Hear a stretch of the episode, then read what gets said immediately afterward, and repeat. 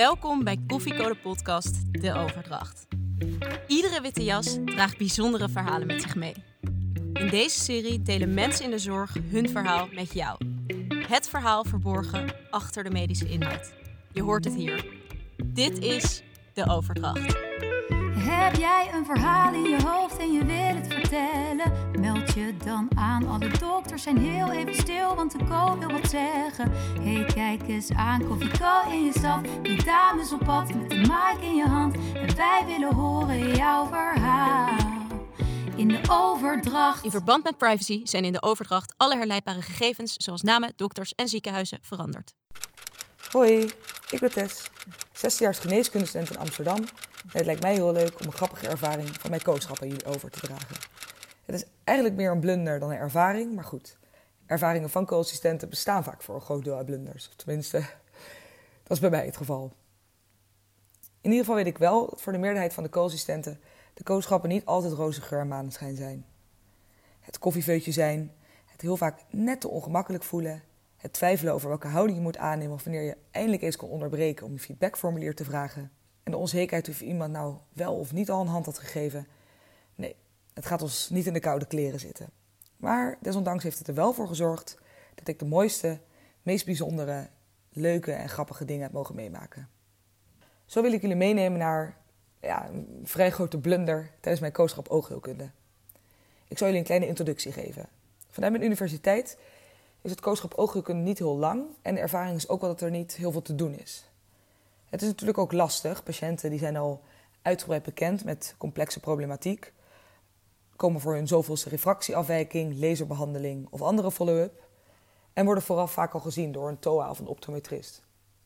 Daarna zit het spreekuur bomvol, dus ja, artsen lopen al uit en als de langzame koolsystem daar nog tussen komt, is dat gewoon niet ideaal. Zo ook het geval bij mijn kooschap oogheelkunde. Ik merkte al meteen dat dit voornamelijk veel op het krukje ernaast zitten zou worden, maar ik vond het ook wel prima.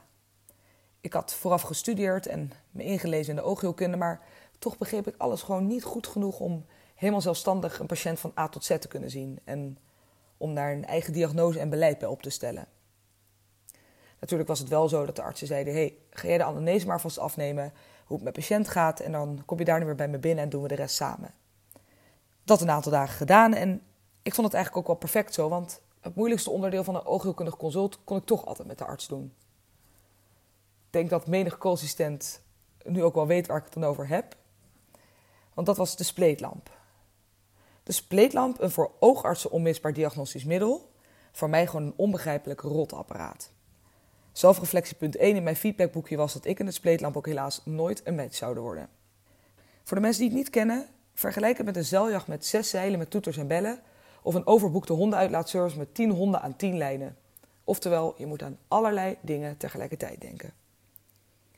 Ik had vaak, heel vaak, met de arts proberen mee te kijken hoe het nou werkt.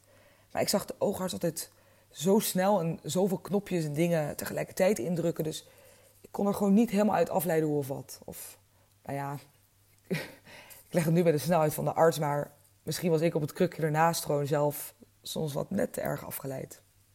Maar goed, terug naar die poli. Op een gegeven moment zegt de hele vriendelijke arts: Tess, dit is wel een patiënt voor jou. Hartstikke leuk. Ga deze patiënt maar zien. En weet je wat? Doe het spleetlamponderzoek maar. Ah, en dan bekruipt me toch een gevoel. Want ik dacht, ja, het spleetlamponderzoek, nou heb ik niet opgelet. Ik kan niet meer oefenen. Ik moet die patiënt nu zien. Oh god, het is echt niet slim. Maar oké, ik dacht, zo moeilijk kunnen die knopjes vast niet zijn. Dus ik naar de gang en ik roep meneer binnen. Achtergrond van meneer. Meneer was 80 jaar, flinke macula-degeneratie en zag helaas niet zo goed meer. Liep daarom ook uh, erg instabiel. De, de tocht naar de spreekkamer was al een hele onderneming aan zich. meneer aan mijn arm schuivelend over de grond naar de stoel in de spreekkamer. Maar na een goede vijf minuten zat meneer gelukkig veilig in de stoel. Om even het beeld op dat moment te schetsen. Meneer zit in die stoel, ik achter het gigantische spleetlampapparaat met zo'n twaalf onduidelijke knoppen. En onze benen raakten elkaar net te ongemakkelijk aan. Ik wilde liever niet laten doorschemeren dat ik geen idee had van de gebruiksmethode. Dus ik dacht, maak er maar het beste van. Meneer zit in de stoel en het eerste wat me opvalt is dat meneer toch niet helemaal goed zit. Hij, hij moet echt een beetje naar beneden. Dus ik tik een knopje in en ja, de hele stoel gaat niet naar beneden, maar die vliegt in één klap naar boven. Waarna ik meneer de lucht in schiet en ik hoor hem hoor zeggen: Oh jeetje, wat gebeurt er nu? Dus ik denk: Oh, dit gaat niet, wat erg, dit kan niet. En uit pure paniek druk ik een andere knop in om de stoel naar beneden te krijgen. Maar nee, alle lampen gaan in één klap uit en we zitten in een pikdonkere kamer. Half schemerend zag ik gelukkig dat meneer nog in zijn stoel zat. En hij vroeg me op lacherige toon: uh, Meisje, weet je wel wat je doet? Nou, daar schoot ik natuurlijk vol met. Hè? Het feit dat ik me eerst al moest voorstellen als co-assistent. Waarbij ik al een beetje een vertwijfelende blik had gekregen van... Hmm, ga ik hiermee instemmen, ja of nee? Maar oké, goed, in het kader van lering dan maar. En dan gebeurt nu dit. Maar ik dacht, oké, ik moet toch wat. Ik had de lampenknop inmiddels weer gevonden, stoel naar beneden gekregen, dus ik probeerde rustig verder te gaan. Meneer, legt u uw kind maar in het bakje. Zegt meneer, ja, maar ik moet al zo ver naar voren. Ik, ik val echt bijna uit die stoel. Dus ik denk, hè, moet die stoel toch nog wat naar voren? Dus ik druk op de volgende knop, maar nee. Boem, die hele uitschuiftafel met spleetlamp. Schuift terug naar binnen, waarbij het bakje tegen de wang van meneer aanknalt. Nou, toen dacht ik natuurlijk, dit gaat niet zo langer. En daarbij is het ook gewoon niet oké voor de patiënt. Ik heb mijn excuses aangeboden en ik zei dat ik toch de arts even bij ging halen. Vervolgens moest ik eerst op de gang wachten tot de arts klaar was met zijn eigen consult. Nou, daar stond ik dan, ongemakkelijk als wat, met nog een verhit hoofd wat er zich de afgelopen tien minuten had afgespeeld. En werkelijk waren alle ogen van de wachtkamer stonden op mij gericht, die zich waarschijnlijk stuk voor stuk afvroegen wat ik als co-assistent daar ongemakkelijk stond te wezen. Oh, wat haat ik dat altijd, zeg. Maar gelukkig kwam mijn mede-co-assistent aangelopen. Dus ik zeg tegen hem, ja, moet je nou horen, dit gaat helemaal niet goed, kan je mij niet even helpen in het oefenhok? Het oefenhok was zo'n oefenspleetlamp en het had niet al die knoppen als normale, maar samen kwamen we er toch redelijk goed uit. Zo gezegd, zo gedaan. Met de knoppen in mijn hoofd geprent ging ik, ja, wel weer met volle moed en met een vrolijk gevoel terug naar mijn patiënt. Want ja, ik had de hulp van de arts niet nodig gehad. Bij binnenkomst keek meneer me al licht schichterig aan van, gaan we nou weer? Maar meneer vond het allemaal goed. Stoel stond juist ingesteld. Meneer zijn kin lag in het bakje, voorhoofd tegen de houder. Ik deed het lampje aan en wat denk je?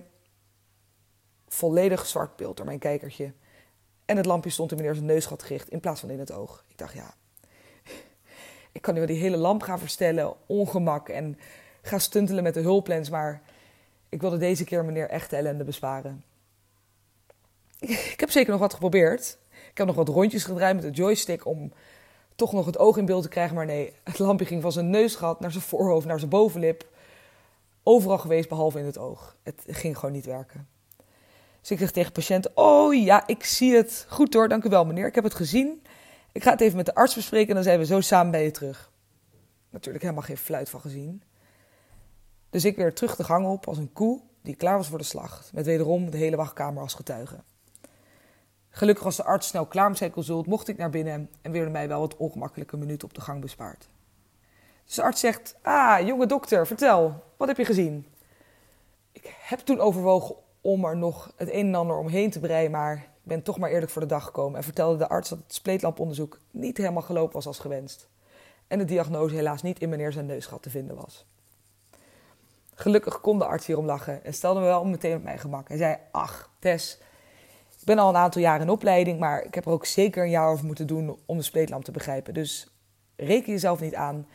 Hartstikke goed dat je het eerlijk zegt. De volgende kijk je mee en daarna probeer je het gewoon opnieuw. Oefening baart kunst.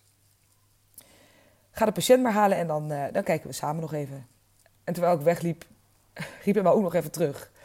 Tess, zei hij, wil je trouwens alsjeblieft nooit meer op de gang gaan staan als je zover bent, maar loop gewoon binnen. Want als ik één ding onthouden heb vanuit mijn eigen kooschappen, is ongemakkelijk wachten op de gang met de ogen van de wachtkamer op je gericht een van de verschrikkelijkste dingen die er is. Ja, dat sloeg de spijker op zijn kop. Voor zover mijn blunder binnen de oogheelkunde, dat uiteindelijk een hele leerzame en grappige ervaring is geworden. En dat vooral door het sympathieke begrip van arts en patiënt. Uh, jong collega's, jullie zou ik graag het volgende willen meegeven. Zoals jullie hebben gehoord, zijn de kooschappen er om te leren om fouten te maken en ook om vragen te stellen. Doe dat dus ook vooral, maar maak het jezelf soms net even wat makkelijker door op de belangrijke momenten of ook op het krukje daarnaast goed op te blijven letten.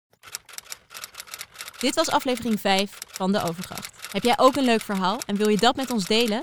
Stuur ons dan een bericht.